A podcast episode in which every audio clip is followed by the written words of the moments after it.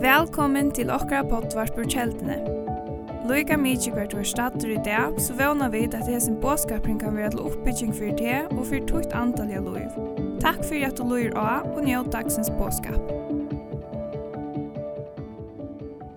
Halleluja, halleluja. Fantastisk, vi kunne være sammen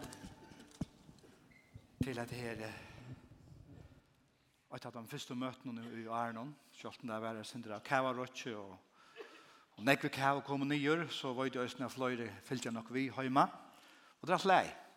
Som man ikke hatt seg, så, så det området er man ikke teker, kan man si, nekker styr som man ikke trykker i. Halleluja. Men jeg har glett mitt landa morgenen her, mitt landa det er jeg nå, at be et år fram som er limer av hjertet, og gjør noe tog. Ofte tar jeg Man har några ting som föas fram. Kan man säga god läcker att alltså schakotten av en en en år ut i hjärta så kan en föje process tillgång för igång in i ögonen. Och man märker att det byggs upp näka och jag gick ju några en tui vill jag säga. Och då så så är det några ting som kommer till min personliga och du ska inte dela det hata vara bara min eller mina omstör. Och då så är det ting som god vill ha en dela. Og, og mannen kvöld da vi bo her inne, hadde bønna møte. Vi stod og lukket som han mannen der, og fikk deg, Så her skal det være hetta, som vi kjenner likere av min hjerte, eller er det akkurat annet du vil? Og du så, en som ble her fire dager skal tale, vøyd hva man snakker om. Man berger seg løyt som de nyser. Er det hetta, eller akkurat annet? Og så om jeg var bønna møte, så, så, så byr Ranva syster, fyre med her, Og liksom takka Herre, takk for den båskap det langt og hever giv Paul. Og hva kan man bya profetiskt. Så også, ok, så er det sikkert at her. Så området er det kvart å være sammen og bya, at, at du, du var ikke out du kvart, at du bare bya profetiskt og skapa tryggløyga rundt om det, at du bya og byer fyri omkron. Amen. Det er det som gjør det størst, så, så Ranna, takk for det, at du, uh, du bær for og du gav man en natura vissa. Utan att visste jeg ut. Hatt det här. Och jag har sett som en iveskrift, hun er ikke spesiell. Det er ofte ikke mer, det lagt mest det. At disse her iveskriftene, man også kan man är, kan man är Paul og vi. og Ole skal alltid bara köra han opp her. Føje tilgang og ognarskap, Eller ågnarkänslor kunne de øyne sagt. Og jeg vet det här några spørninger. Men det gjør han ikke. Anktig så skal man huksa sin til hva er dette for nek. Og jeg, jeg får begynne med en bibelvers som vi kjenner øyla vel, i Johannes 3, 3, sen så løys, og til Nicodemus som kommer til Jesus, og han vil gjerne heva svær på noen ting, til det er dette vi, vi Guds anda og Guds liv, hvordan fungerer dette? Og han spyr, ja, men, Hetta vi her andalige føringene.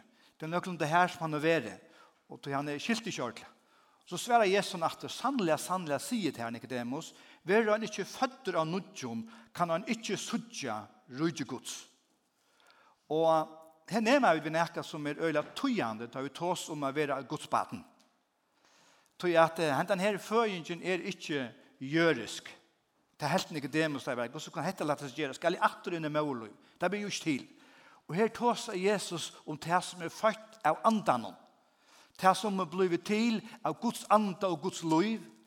Og dette hender jo da er mennesker åpner seg opp for det at det er med Akkurat som byggeveren jo har, da han tås av om seg bare støyene. Her det var åpen og grøyngar hentet. Her det ikke var åpen, her hentet ikke. Vantrykk. Og dette er just det som som, som man kan säga ger att vi kan ha en troa vi så att er Guds baden. Jeg er fødder av nudjon, eller anker sier enda fødder.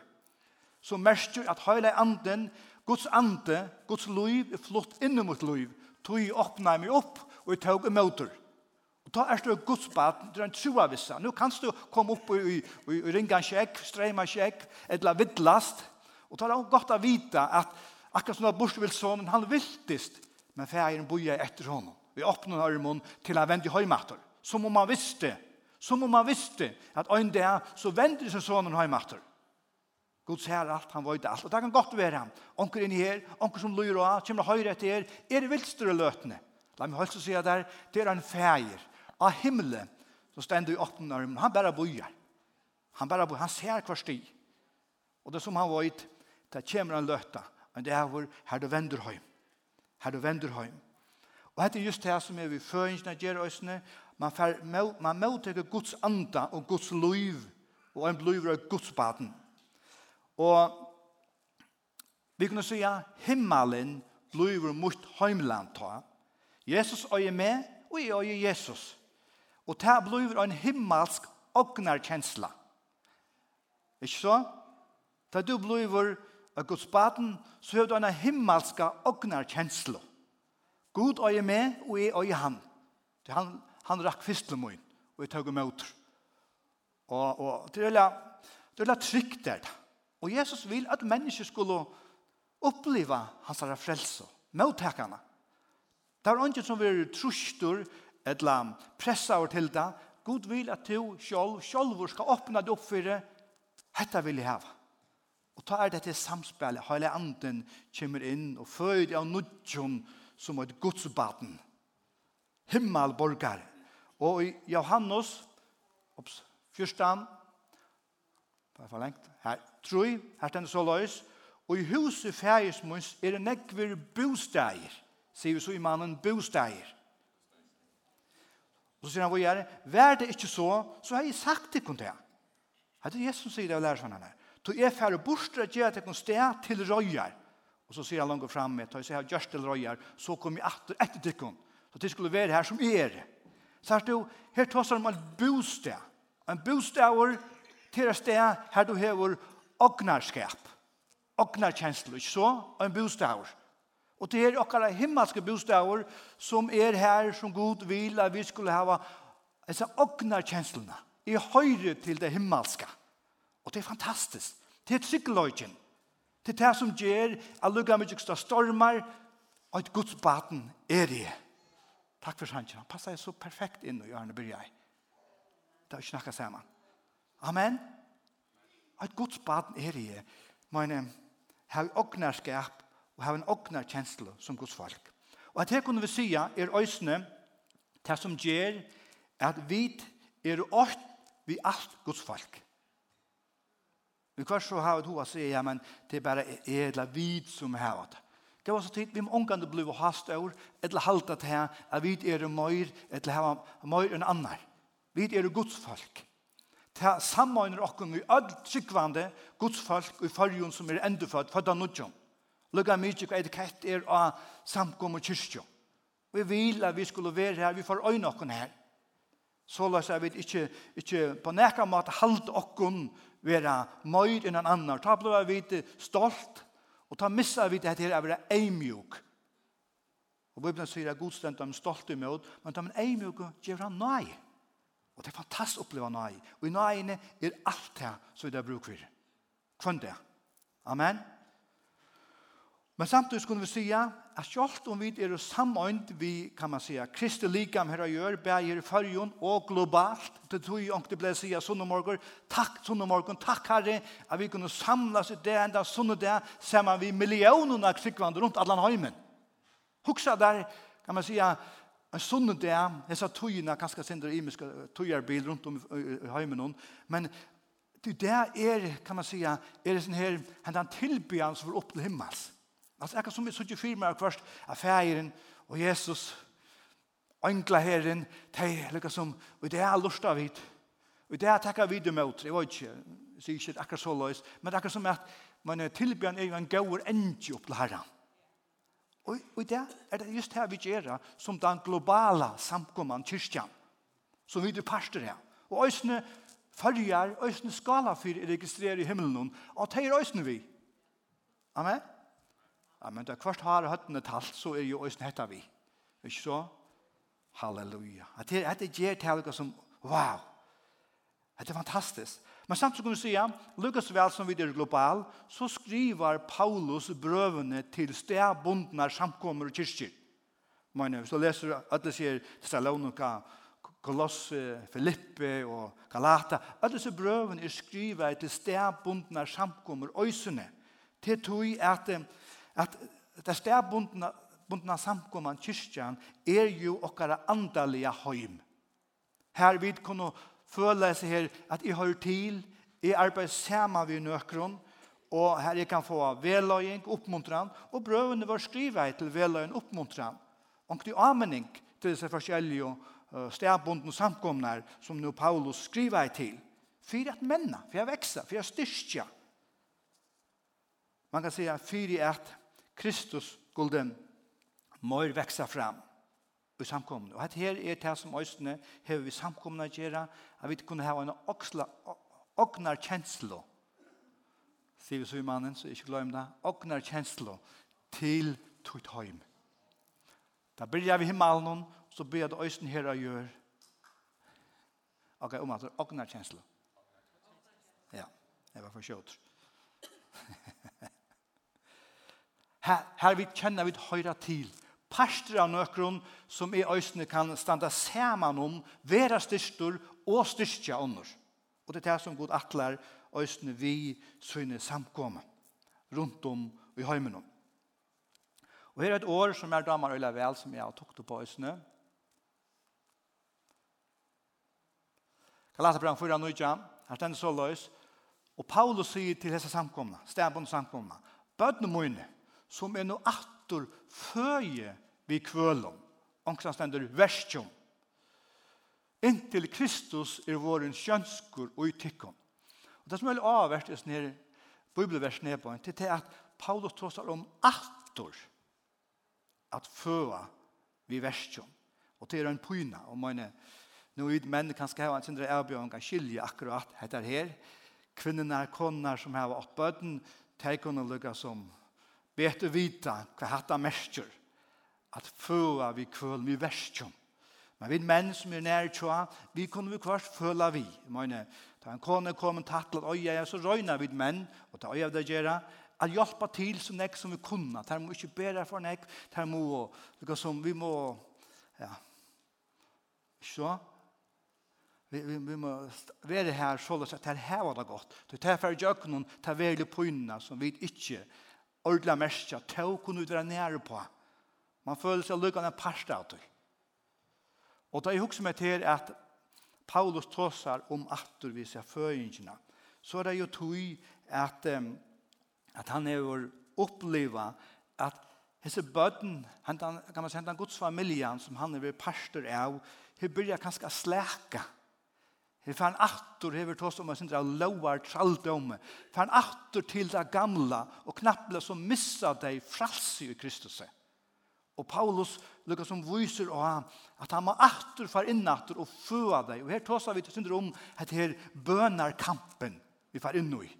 Vi, vi byr for, for personen så vi kunne føla bardagen vi andans verre Og det tog vi skulle bya. Vi, vi fua fram i bønene, djøknobrottet, syren, fralse inn i mennesker. Og det er veldig nøyot at vi gjør det. Bære høyma vi hus, saman som, som uh, tjon, et la, viner, og i samkommet. Det tror vi det bøn. Simpelen, vi kvar som vi føa attor vi kvølum, vi verskjøn. Til Kristus attor i våren kjønskur.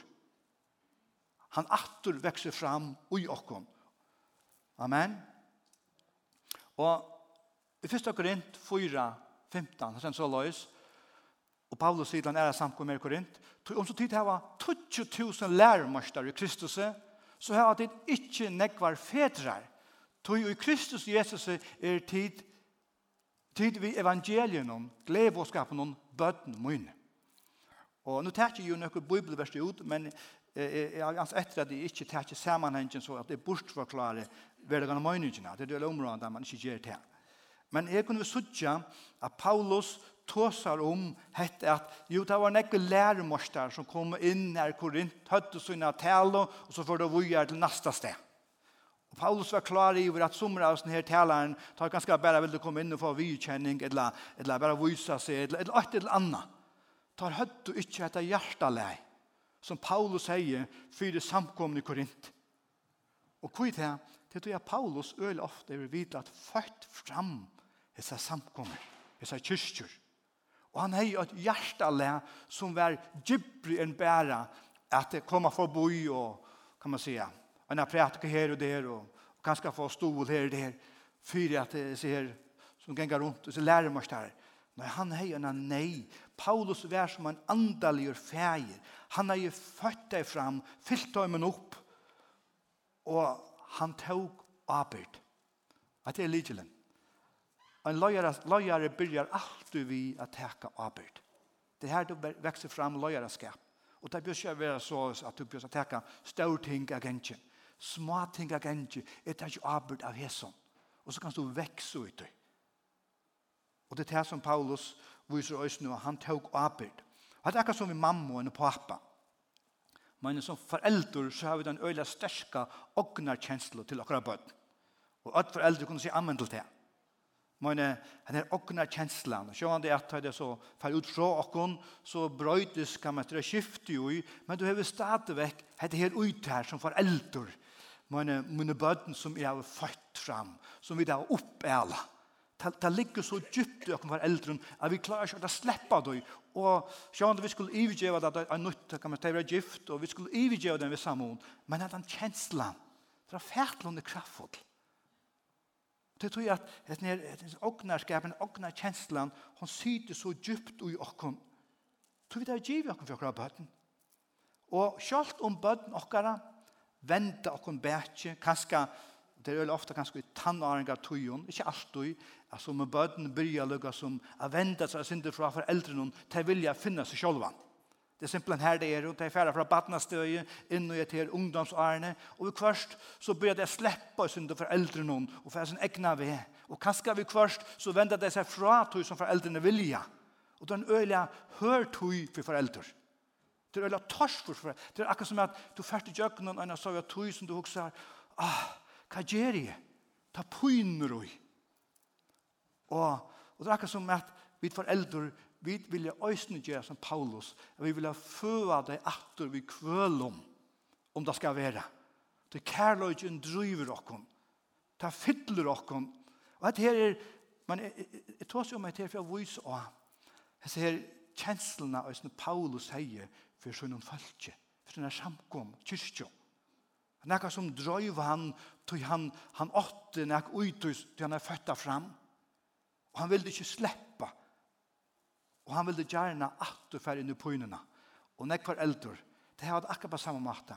Ta i bøden tøyne færre jøkken turbulenta tøyer. To færst vilja ofta inn i pynene. Og føy i kvølen. Jeg husker om tannbardein som skal til. Og i bønene. Og å være klar, klarer. Klarer hva man nu kan gjøre. Det er ikke alltid man kan, men hva man nu kan gjøre. Og om vi leser Fyrsta Thessaloniker brevet, kapittel 3, vers 5, du kan lese alle versene, jeg tar ikke på ankerburs ur nå, ur for ikke etter hva lunge, så er det akkurat som Paulus, atter her hever han en samkom som han er så god i. Og han var så storen for at han motstod at de finko skulle få det å gjøre opp. Det Paulus visste at som samkomma, som, som folk Guds, så får vi motstå. Han visste bare det. Stormen kommer. Men det er ikke stidlig alle togene. Helt ikke kristen. Og her Jesus det, for jeg vil helt ikke prætika, at øyde Jesus, så vil det stidlig inntil kommer himmels. Kanskje motsatt. Du får nekk mer stormer. Du motstå med åren vil ikke at du skal hava frien i Kristus. Og Paulus visste det. Og då er han sier øsne, så løs, Tøy var til øysene at jeg sendte på, ta jeg ikke var ment å bære til langer. Tøy jeg ville vite om tryggtikkere, om frøstaren, djevene skulle ha frøsta tikkene, og arbeid okkara vera til åndkjøst. Er det nekka som kan teka møte og man blir oppgjøvande til det man gjør nekka, man offrar seg og man offrar seg, og så knapplega var det til ånga nytt, og det er det det som man gjør det for oppi og sier oppe i røyk, det får, det smildrer i sunter. Og det var også det som Paulus trodde vi, menneskert lea, så er man også nødt til vær no arbeid okkar til unga nytto. Og hvis jeg skal hitje atter etter i munna tog, så er det nekve personer. ikke Jeg noen år det, har vi tog tog saman vi, har fyllt opp, haft tjamer og by saman vi, undervust, som det er en tog i færen, har vent bæk. Har givet opp har släppt. Og kvärt och kvitt det er ganske imiske årsøkker, och det kan få okkur vi kvart att säga. nytte är han ekka. Og Paulus, han trodde seg det samme. Det han visste i øsene, at mennesker har frukt vel, at fylgja, eller gjev opp. Og så damer man så vel.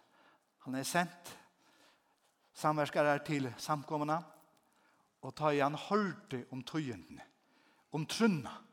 Så stender så løs i vers 8.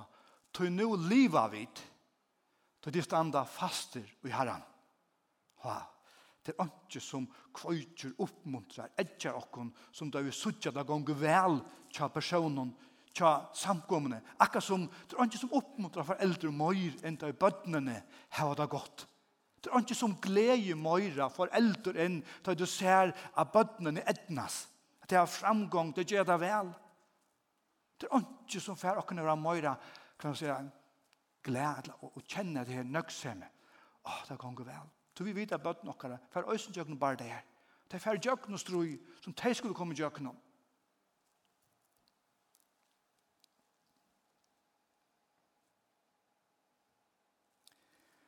Av er vi i øyne føje tilgångt skapar en oknarkjenslo. Det kan alle foreldre si. Jeg var vi og en føje tilgång skaper en åknerkjensla. Og nekker her i kjeldene, her var vi i føjengene av hese samkom. Nekk inn her. Nøkra tøymon, eldre, det er ferien herfra. Det var noen læreren. Var vi i føjengene. Nøkker okkar av middelen er å bli en gåmål. Nå er det kanskje ikke nekva tøymon, du er det så ringt av køyra. Tar du kanskje ikke komme inn i bilen. Men kanskje det er fyllt jeg vi an etter. Nekva at tøymen er blivin gommel. Orsk ikkje lykka vel og møyra, ligamlige, det som det vanlige har vært gjørst. Kjolt om anden i fusor. Lag mest til disse eldre som føler det at det er viknei, to mestjer av dem, anden i fusor. Det vilja, det vilja så ikke herren, og det, det er trofast der, og jeg vet at kjolt om det ikke kunne gjøre det som det pleier, så i bønene, så er det noen ting som gjør at det alltid vil være bedre. Og da jeg sier her, eldre sløkkene, så missar vi det ofta. Kanskje en, en, en bønerdekning. Men det er godt at det er nudj som vaknar vi og takk opp atter det som de hava både vi og kom. Og her også jeg, jeg fått meg vatten her, om alle arbeider som jeg kjera, eldre, nei, han er høyma, kanskje han fylgjer vi, kanskje det fyller vi.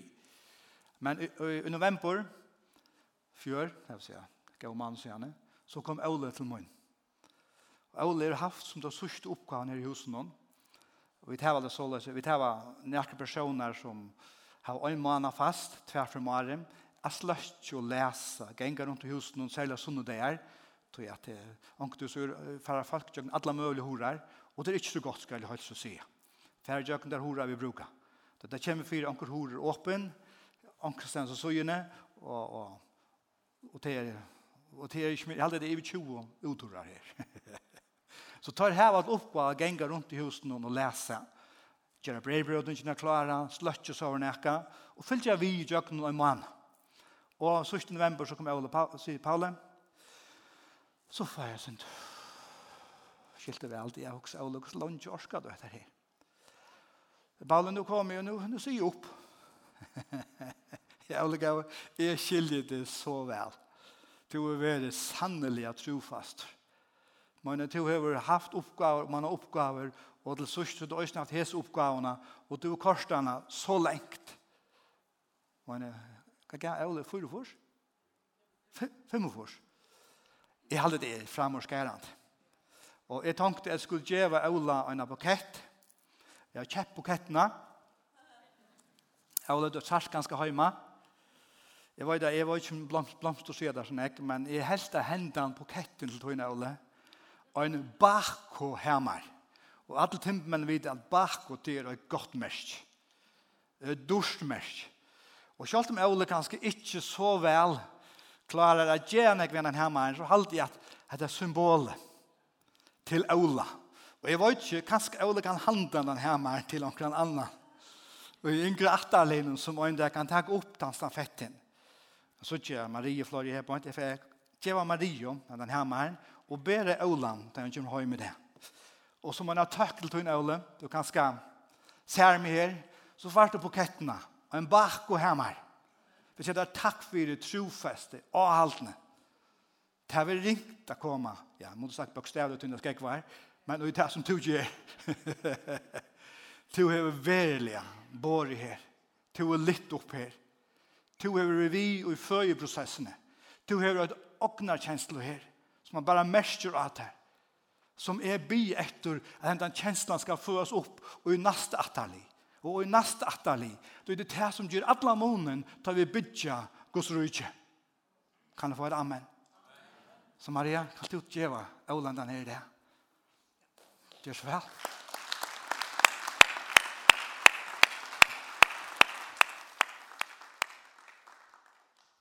Kanskje meg vet som du kreativ, herre, hva gjør vi? en eldre mann, og jeg var ute blomster. Det sier ikke noe, jeg var ikke noe minnes nærkere fire ta.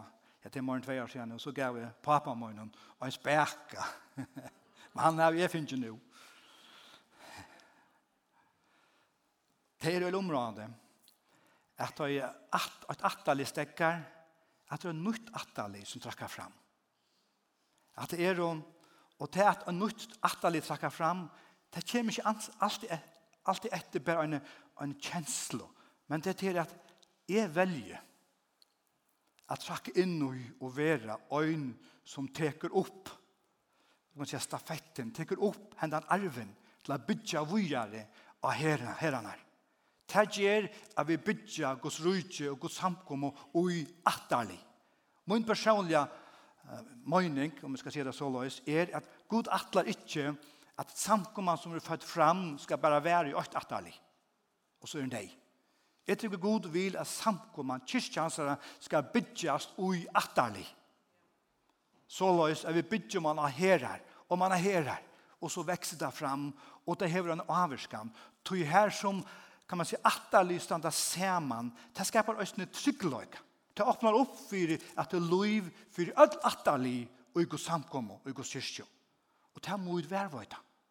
Og tog at jeg bjøy til av, til som er yngre øsene, kom trakka inn i disse her, kjenslene av at jeg kan høyra til, jeg kan, jeg kan få åknarskap, jeg kan være vi i føreprosessen. La meg si så løs, at alt om Jesus her var vi ute i brygjanene, så gong og fyrer seg en føring i Guds rydde alltid. Hun stekker ikke.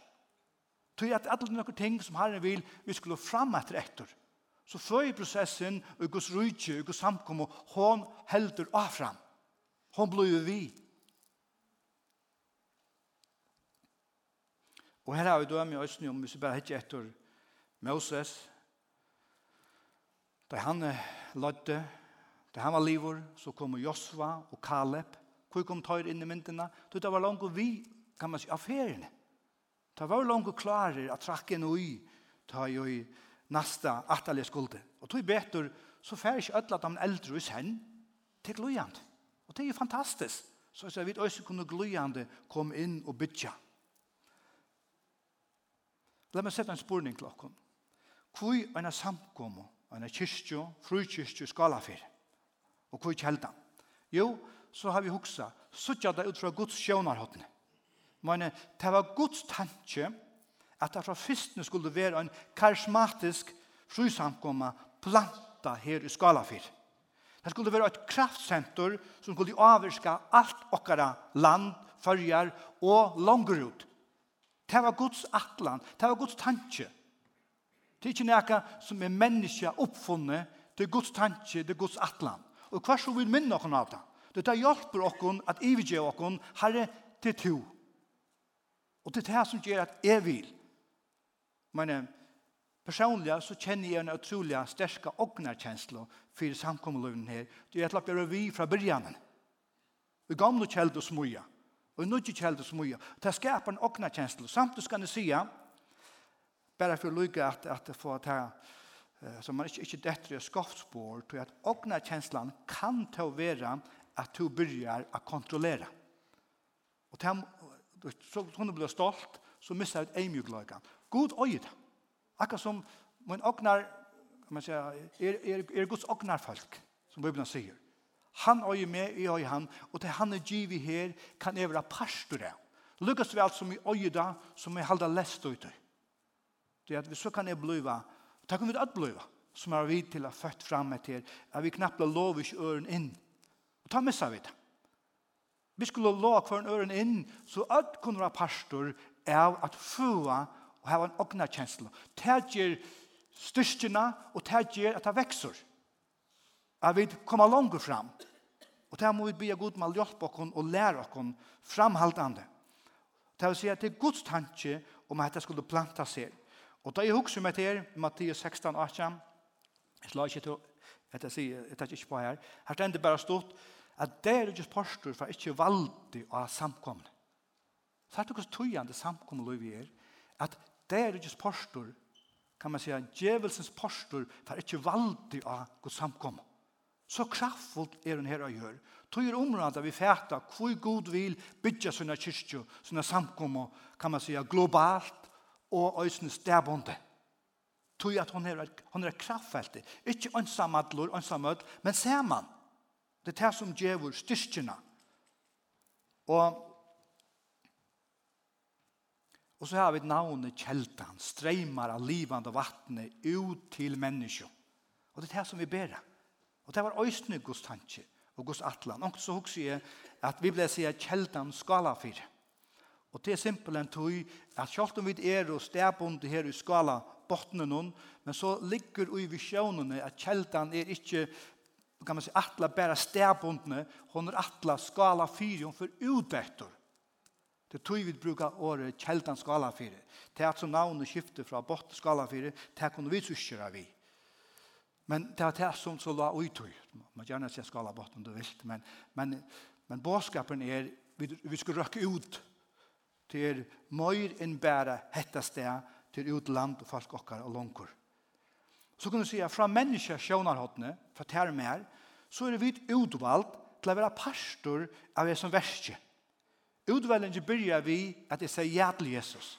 Ble føtter av nødjon, enda føtter. Og så kunne jeg måttaka Guds kattel og ble parster av Guds visjon som er lagt nye i kjeldene.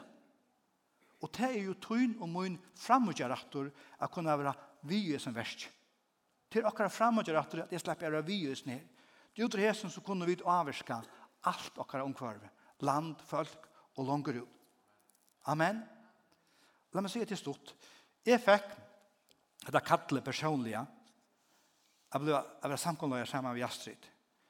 Og la meg si det så, det var ikke tog at jeg dødde det. Slett i vår høver ikke. Og jeg visste ikke ordentlig hva det var inne i. Kanskje jeg løyde synder av en fætan. Men jeg tar kallet på meg, tog jeg i ho til det. Og da sier jeg som Bibelen, 1. Mosebrev 3, vers 8, at mine gåan hod til hans versk. Og så var det noen ting som er fyrrøk av meg. Og om jeg så hytter på meg, og mine manglar som løyere, så har vi kjøtt hod å fra meg. Og til min, til min personlige bare deg. Til å til at, at Paul, det er så nevnt jeg at det er du vårt du kall. Jeg vet ikke så ofte i her og der personlige bare deg her, at jeg hod sier herre, jeg legger fra meg. Så jeg, er du ikke. Men hva skal det gjøre i atter og atter? Jeg spekler meg i ikke mine mangler, men jeg spekler meg i Guds år. Det kvar jeg kom jeg atter til Guds år, da jeg har bare det igjen, så kjenner jeg, åh, jeg prøver ikke å do alt. Jeg prøver ikke å vite alt. Her to lov å vimme. To lov å løye meg. Og det gjør at jeg atter får en nytt mød, og får en nytt mød. Og nå er det helt i 60 år. Amen. Amen. Altså, god er trofastor. Men, og det som er områdende, til er jeg vil halte oss til hans her. Og jeg må bli vi å gjøre det. Og kanskje, hvert alt er at, at, hvert alt er at til at de takker mot og mer som løyere. Jeg heldig vi først, jeg husker om du gjør. Men det er nevnt du kanskje trykken at, at det trykker at gode kallar meg. Du er til vite at det dog ikke. Ta må bare være herren. Sagt du? Det kan bare være herren som, som, som gjør det. Så er det alt evig kvart. Altså, tog jeg at min donaskaper, han røkker ikke. Sjåan så kan god djeva donaskap. Og det gjør han, sjåan. Han djeva visdom. Og det som vi da bruk for det. Men jeg, jeg er akkurat som Moses. Han omskylda i seg. Jeg dog ikke tåsa. Og hvis du, anker du, og jeg er helt ærlig, mot, mot, mot førska mål til er og synder er marska. Og hvis jeg ikke atter etter, tenkte jeg, oh my deras, jeg hadde også holdbrått til norsk, omkje du, særlig da jeg kom etter fra første tøyene, hvis omkje sier akkurat tøy, altså, og i halte tøy i brøttere synder, men herren visste hva han gjør det, han, ville, han måtte gjøre meg en lærer eller kon, og hon har haft sånn jeg skoje ved meg, og hon blev vi, og hon blev vi, men det er tors først å venja en gamle hund, ikke som man sier, men, men er røyne, helt ærlig, er røyne, er språte, og er røyne, jeg kan si hette så løyes, er røyne gjør meg omak, og så ofte da jeg fann i tellerstålen, tenkte, hva sier jeg hette året så løyes? Og jeg, jeg strøyes vidt det. Det er som i det, og det er alt så først, at man er til unge her, altså, jeg, altså, den bare det man kan få, tog man kjenner etter, er berges vi etter, det er det, det, det er meg ikke så lagt, Onkel du sier tale, stand jeg løyde etter årene jo i meg. Jeg finner ikke, jeg finner ikke. Og, og. Men det gonger framme. Og så langt som jeg spekler meg i årene, så holder jeg fram. Sjående, så har jeg tæt med Paulus nå, er timing lett og atta, så jeg gjør det. Ikke mye skiljer meg. Men bare for å vise av at jo kattle kommer her, og så får man etter du, og man må ikke do alt, man må ikke fullkommen, men jeg vil ha løyen. Ta løna godt, Og det stedfeste god. Det er det som jeg vill områda just i här. her. Og i Hebrea bra noen, la meg takke til, jeg feier klokka ganger kjøtt. Et lov åtta til så løs. Vi trygg var Abraham løyen, da han var kattlaver, og før ut til stegen, og han skulle få i arv. Han før av steg, til at han ikke visste, til at han visste ikke hver han kom. Jeg elsker dette verset her. Til Abraham var i Østen en god som er, som skulle genge undan. Han stender, han før av steg, Han visste ikke hva han får, men han visste god det er kattlan. Han er tala, og hver så sier, her å, jeg kjenner meg at. Vi er færre sted, byrja av gamle kjeldu her, så får vi bare vuja. Vi visste ikke ordentlig hva det enda. Vi hadde jo en, en visjon og et mål, og, og knapt litt, så var herren her og stedfestet det. Og vi kommer genga vuja her. Vi vet ikke helt alt hva det enda. Men det som er områdende, tar god taler, så lett dere holde av frem det, det som vi sutja nå, at det kan gjøre det, om vi ikke sutja alle myndene. Og jeg vet, jeg har sagt det før, skulle vi se alle myndene, så går vi opp og er vi får. Vi klarer ikke å bære det. Og det var ikke godt. Han var ikke hvordan vi klarer å bære, for jeg får åkken affære. Amen. Og det var det som han visste øyne i Abraham. Hebrea brevet, et lov, tjejejusten så løs. Vi trygg for han, det er Moses, ur Egyptalandet, og han rettes ikke røye kongsus, det er han helt av som han har sett til å skjønnelige. Jeg elsker det her. Han helt av som han har sett til å skjønnelige. Tås om troareier. Gå oss tid, vi trykker av god. Han skapte himmel og gjør. Lett han øyne trykke på at han øyne kan gjøre noen små ting her nede i øyne middel noen. Amen. Vi talte av fram som om vi suttja til å skjønnelige og så gjør vi det, så gengar vi det. Takk for ikke dere. Jeg husker vi først, da jeg med oss ble kattlet over, og god taler til han, at, at han har haft sånne kamper av Det Han er jo nekva bare der. Og det tok heller ikke til tøyene det skulle Det skulle jo bare takka 40 dager, men det ble 40 år. Ikke til han god atleida, men det er at du falt ikke, tog tøyga mot det av løyen. Jeg husker jo kvart, og Moses visste bare det han fra møte. i visste vi man sagt ja. Men god genialer. Men han gjør okkur til det er bruk for kvann det. Øysen til tøyen, hva forstår du er snu, hva for avgjør du tidsi, han var ikke at du klarer nu. Hatt her framme her, er du ikke ment til å føre for å bære. Men halt av framme trygg. Du god, han åpner i veien. Og han åpner i veien. Ja, til enda så kom det inn ut av lova i landet. Det kom og, og fingot hans syre. Og jøgnu bråte. Og det som jeg sier i snir øysene, for jeg viser at de personer som kommer inn i en føje tilgang, og her inne, de får øyelig ofte åknerskap til samkommeløyve til kjeldene. Og de som får åknerskap over vi i føringene, tar personer ofte møyre ivigivner. At det er så. Du merker det til folk for åknerskap. Man er tåsa vi Ola, tåsa vi Jonnar, tåsa vi forskjellige. Du merker bare ivigivelse. Det er ikke som at gengene eier møyl, det betyr han ikke. Hette, hette parster av tog som jeg har fått fram, som jeg har øyeraskap i, og tog gjør jeg det. Og hette det som er lykjelen for samkommet liv og vøkster. Og da jeg hørte unge her i Jar og Tåsa og ungdomsmøtene og ungdomslåslene, det var en fraktas og høyre hos de brent og fyrdøy, mest kærlighet til ungdommen. ungdommen. Fantastisk. Takk for ungdomslåslene. Takk for hver øyne av dere som dølte her i Jar. Hvordan man mest det hjertet var vi. Jeg tenkte at, ja, men har vi bruk for jeg prætiker av bådskapen da jeg hører det? Det her var det. Det viser det, og i verset.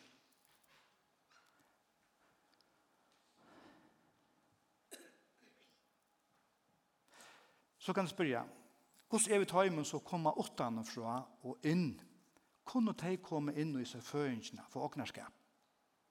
Er det ikke, og jo til latter for øyn som ikke fært her vi, at bli kritiskur og negativur, til han skiler ikke. Hvis du ikke får fætur just ned, at få til at høyre til, bli parster av du, så skiler du ikke alt du visjon og mål, og du kan lette bli kritiskur og negativur, ty du fengar ikke visjonene. Og her må vi først og en tøy til, og vi må djeva kvarn en tøy, til å ha fætter og du. La meg si så løs, du må ikke være vi fra byrjan, da kjeldene er stående for jeg blir parster av oss ned takk og lov. Nei, du kan komme inn i det, ved at involvere det. Det er det som du gjør det til, det som jeg gjør meg til, det blir jeg gøy ved. Lagt mest til det, Du blir gjør det til akkurat, enda om det er utrått, at hjelpe til, knappt så føler du at du blir gøy ved. Alt som du involverer deg i, vi vender rett og hjertelig, blir du gøy ved. Og du føler, at jeg vil gjøre meg. Du har vært akkurat som en ognarskap tog du er vi i føyerprosessene. Og det er områdende at vi alle kunne komme her. Og da jeg hittir i det, så sutt jeg så nekv og i samkommet oppi okkara, som ikke er vi fra byrjanen, men kom inn 18 år, som har funnet fæter i sned av bla av Det er en frakta sutt. Det er så nekv inni her, og det er nekv som ikke kunne være her av vekkenen, men det er så nekv som er kommet inn og i føy tilgangene er kommet inn og blir parstra av åknerskapen. Det gjør alle månen, og det er fantastisk. Det er at du ivergjør det til det. Du involverer det. Og det er ofte det som hjelper oss å bli parstra av nøkron. Jeg vet det. Jeg vil åpne opp for deg og takke med deg til. Amen. Du kunne nekt nekt du men det var ikke tog til. At høyre til, at styrkja og kvadja det som er, er profetet står vi det her framme, nok som jeg sørste er, som vi framhaltande kjenner god og lagt okkara hjärsta, at vi skulle kvøyja og styrkja det som er tjeneste og tjeneste og liv. Tøy at da vi styrkja det som er berande, så vekser samkommet liv. Hvis en, et, et økje er vakt, strøyes, så avvirker det til tjeneste og øke. Og vi finnes etter Mosabravnen, kapittel 8, 6 og 6, og du kjenner det vel, det Paulus sier til Måtius, du minner det også at du kvøyder atter til nøye gav. kvøyder, styrker, Guds som er tære, vi alle ikke handler om Og vi kan si at kvøyder det styrker til tjeneste Guds, kunne vi da også sagt inn her. Du god gav kan ikke andre mødeløses, men kraft, andre krafter, kærløyga og syprøyes. God er givet åkna her, til samkomna, til tøyne møyen, så vi kunne genga fram. Om vi det her var et øke, Vi kan säga att strusvallen, om du ska bruka myndaliga tala, som er törv og hjälp och styrk, så er området at vi setter inn styrk her. Særlig om du har et øke, kan man si, av strusvadlen, andelige tale, som er tøyende. Så sier det Paul, er ikke alle øke tøyende i sangkomløyene? Jo, det er det. Men da jeg husker om andelige hus i kjeldene, så er det som at tjenester som kanskje er mer berende som at henne seg mer avvirskan og holden av likamnen. Det vil si til moner og luttla fingre om han er vøyker, eller om rikshøyland som er vøyk. Til moner Så står jo avvirskan om rikshøyland som er vøyk, enn om luttla fingre vøyker. Til avvirskan mer. Og antallet talet, da vi tar som tjenester, så det er området er vi suttja at, at det er noen ting som er berende, som er området av det styrst. Så løs at, det er likam mye størst. Jo som at tænaster heva større avvarskan enn er det. Og om vi begynner flere tjenester, så kunne vi komme til å ta styrk fra tøyende tjenester, og så er ikke alt det som jeg vunnet. Om tæren og dovna, vekkene manglande styrk, og det tøy vi da bruk for nekvån beraron, nekvun herfølge, strusmenn, arbeider. Og her bjør vi til av kom over vi og involveret i akkurat økje, så vi kunne styrke, så vi kunne menne disse forskjellige tjeneste øker, til det gjør vi styrke ut i samkomne til å røkke langer og nekk langer. La meg komme til sørste punkt her. Jeg tenker så løs, jeg vet ikke om du har lagt mest til, jeg har lest her, at til måneder at løya en hus, eller en uibo, enn at øye et hus. Lagt merke til det. Jeg vet ikke om du nekken prøve at løye et hus eller en øybo. Du merker øyelig kjøtt at du løyer akkurat, men du er styr bare for en tog. Du vet det, at det er det som ofta så løs, ofta så løs, hvis man unger og gusser.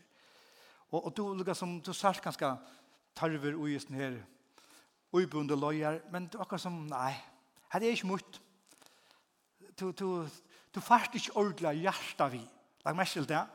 Men så kjøtt som du kjeiper ditt egna, bytter ditt egna, lag meg til hvordan motivene brøytas. Knapple så fast du hjertet for hei, og du knapple, men jo jakka, og du først og i gang vi at mala, og, og kvært tar vi ned for å få tøtt hus i stand. Da ligger noe ui okkon, tar vi øya, er vi djev okkon, enn at tar vi løya. Og her stender så løs, men tann og løya vår er, og ikke er hire, som ikke øye seien, han ser ulven komme, han ser han er motstøve, motgeng, og han røymer fra seien og flutjar, og ulven ræner, og seien spjæger, og, og seien og spjæger han sånt, ræner seien og spjæger han sånt. Så er det jo, jeg tror at hessen her er løyauer, som tjener gode, og ikke hever hjertet vi, ta motstøven kommer, ta tørver er i samkomløvnen, nei, Jeg tror ikke. Ågnarskaper, føjeprosessen gjør at du gjør det. Det gjør at du ser en tølvor, hette er mot. Hette vil jeg gjøre meg til. Og min bøn er ta inn og til at du skal kunne sutja, du kan skal være vi, og det tog jeg sier, gode føtta fram til hans versk, to er kunne være vi og bygge det, to er trykker vi, er god framhaltande i atla kjeltene skal være sted som nåar og avvirker alt land dokkara. Amen. Bæje løyande og imiskar høapostar, alt. Men det kommer av at vi man bytja og standa ser man til hette kattelig er mot. Amen. Det blir alle måneren tar vi nå bytja. Jo tar hjert at han fyrir. Og det er jo også møyningen at du tar heim, og det er leie da du kjøper du tar heim at du involverer den uta. Du ganger høyt opp uta. Du tar heim er du en kuldarstavr. Tutt heim er steger og ladar opp. Så fær ut i avan og planta. Fær og, og, og mala. Heng mynder opp. Gjer det heimelig. Så du trivist. Så du føler, åh, det er godt å komme heim. Legg det i sofaen og kvill det når løtta. Så er det jo til møyningen vi kunne, kunne gjøre det. Men så er det mynden og sned. Da vi tås om heime som god vil vi skulle bytja. Til atlanen at kjeldan skal være til en kvildar stavur. Her steg du ladar opp Her er det oppbygd, styrkja kvann annan. Her er det heimligt, her kærløyken er til omfevna. Og det er det som Gud vil, at vi skal vekse i og liv i. Og det stender så løs. Bytjer ikke Herren huset, så arbeidet tar til avnyttet som bytja Vær Værer ikke Herren stegen, så vær, så vær ikke vaktaren til åndkjøs, til avnyttet. Gud vil at vi skal gjøre oss en avmerk. At vi skal samstarve vi god, Og dette er det hjertet Gud vil hava, at Guds hus skal få. At er to djev okken til. Jeg vet øysene, tatt som du blir gav vi, tar du heller ikke trobolaga vi er djeva penger, djeva tøy og orsko. Det blir bare naturlig for det. Det er ikke tungt for meg å sove enn det arbeidet her. Det er, det er parstrammer. det Den gleder jo i tøy. Og da er vi tar som hjemme. Shalom, kvultar stavaren som jeg sier, her du blir fyltor, til å være styrster ut i dagligdagen. Så løs i samkommeløyv. Så løs akkar høym. Og ta vid bytja Guds hus, så bytjer Herren akkar hus. Ta vid bytja hans atlan her og gjør, hans revisjon, Guds samkommel, så bytjer han akkar. Halleluja. Takk Jesus. Takk Jesus. Takk Jesus. Halleluja. Halleluja, halleluja. Takk, Jesus. Halleluja, halleluja. Takk, Jesus. Takk, Jesus. Halleluja. Jeg kan kanskje bare komme opp. Halleluja, Jesus. Halleluja. Skulle ikke være be denne løtten? Takk, Tack, Jesus.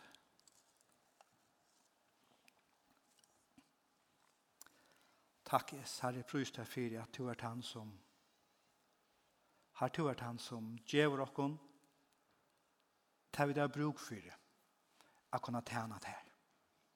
Her tar vi vente dere til togene her, så gjør vi det til nei, vi det bruk for det her. Her er ikke du doa så vel, men du tog gjør vi det også her. Du menner dere, du leter dere noe her. Da tar ikke det for det her. Og i togene her nå er en styrst her. Her vi kunne hava ting, breka dere her, hava akkurat som en tørn, gjør her, her og her, som avvirskar akkurat, som gjør akkurat eimjuk her. Herre, vi, vi bare ivergjør okken her. Hjelp okken å være eimjuk, Herre. Men hjelp, hjelp okken øyne å være fus ut versk, Herre. Herre, hjelp okken å være vårt av troar andan, da du talar, kallar okken. Herre, nu byr om i Jesu navn, at du skal leta kvann og øyn som her er, og som lyr av framme for skutjan, kjenne at du er bruk for hver dag stek. La bytja tog et hus her. Her er bare i Jesu navn, Her er øyne hver ligg som sier at jeg kan ikke, du er kjære. Herre. er til ønskes gjør jeg i Jesu navn. Her er du kan bruke øyne hver her. Og jeg kattler ut han her, troer andan den, evet han personen som strøyes, akkurat som Moses sier, jeg du er kjære. Men Herre, han blei løyer for Israels folk, her. Herre, takk deg bare for, her to øsne er for, for jeg tar som lyder være menneske eion, tar valde to der ut, her. For øsne gjør jeg, Heimsens visdom det skammar her du er større. Da takk deg for her. Hele andre legger seg her. Nei, jeg sa visse noe her. Fæger og Jesu navn. Fæger og Jesu navn og Jesu navn. Amen.